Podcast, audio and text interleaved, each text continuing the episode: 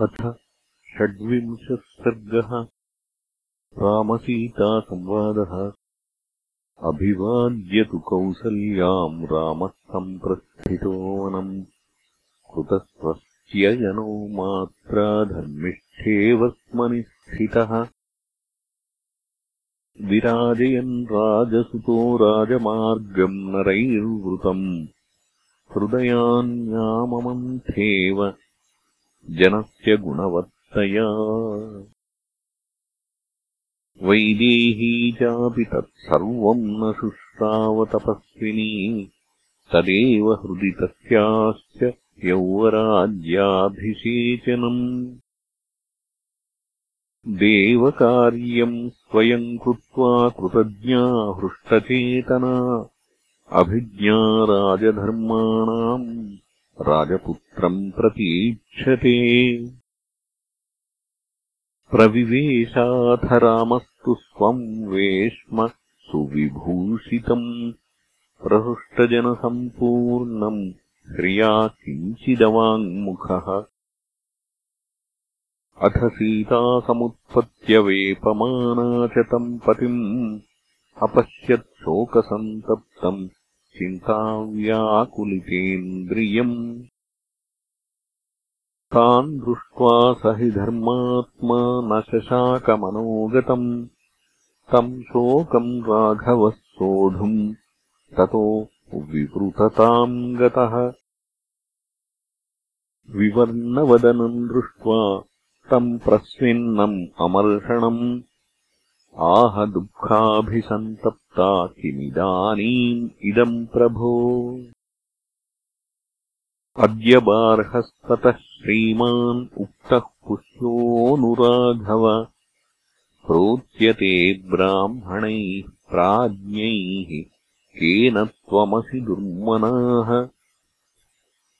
न ते शतशलाकेन जलफेन निभेन च आवृतम् वदनम् वल्गु छत्रेणापि विराजते। व्यजनाभ्याम् च मुख्याभ्याम् शतपत्रनिभेक्षणम् चन्द्रहंसप्रकाशाभ्याम् वीज्यते। न तवाननम् वाग्मिनो वन्दिनश्चापि प्रहृष्टास्त्वाम् नरर्षभ।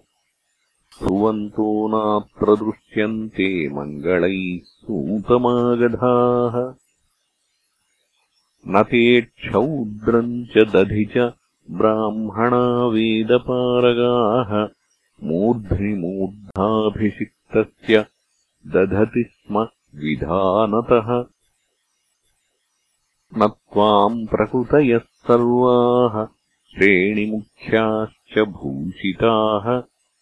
अनुव्रजितुमिच्छन्ति पौरजानपदास्तथा।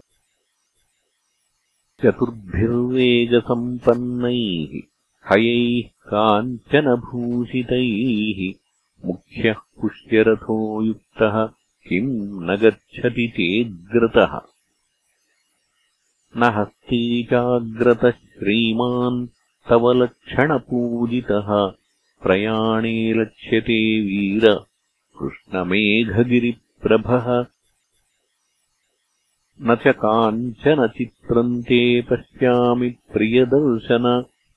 भद्रासनम् पुरस्कृत्य यान्तम् वीरपुरस्कृतम्।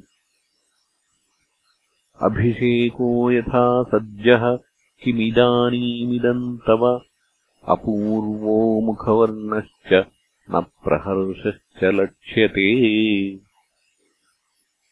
इतीव विलपन्तीम् ताम् प्रोवाच रघुनन्दनः।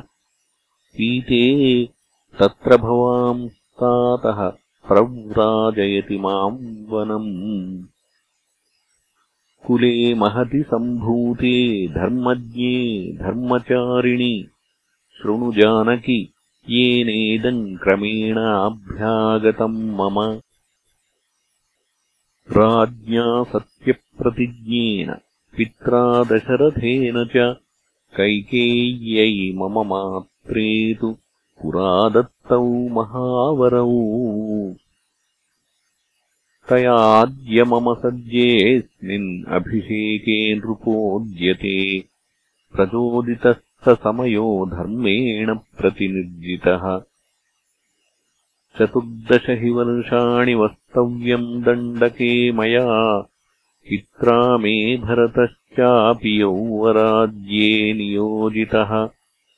सोऽहम् त्वामागतो द्रष्टुम् प्रस्थितो विजनम् वनम्। भरतस्य समीपे तु नाहम् कथ्यः कदाचन बुद्धियुक्ता हि पुरुषा न सहन्ते परस्तवम्।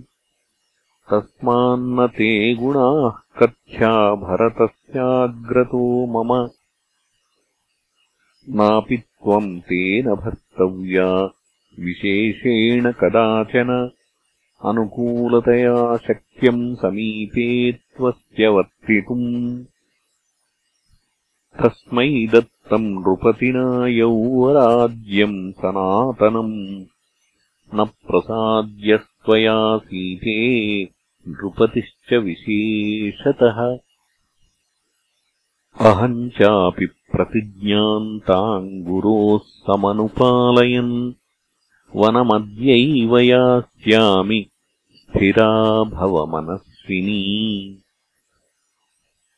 भवमनस्विनी याते च मयि कल्याणि वनम् मुनिनिषेवितम् व्रतोपवासरतया भवितव्यम् त्वया नघे। काल्यमुत्थाय देवानाम् कृत्वा पूजाम् यथाविधि वन्दितव्यो दशरथः पिता मम नरेश्वरः माता च मम कौसल्या वृद्धा सन्तापकर्षिता। धर्ममेवाग्रतः कृत्वा त्वत्तः सम्मानमर्हति।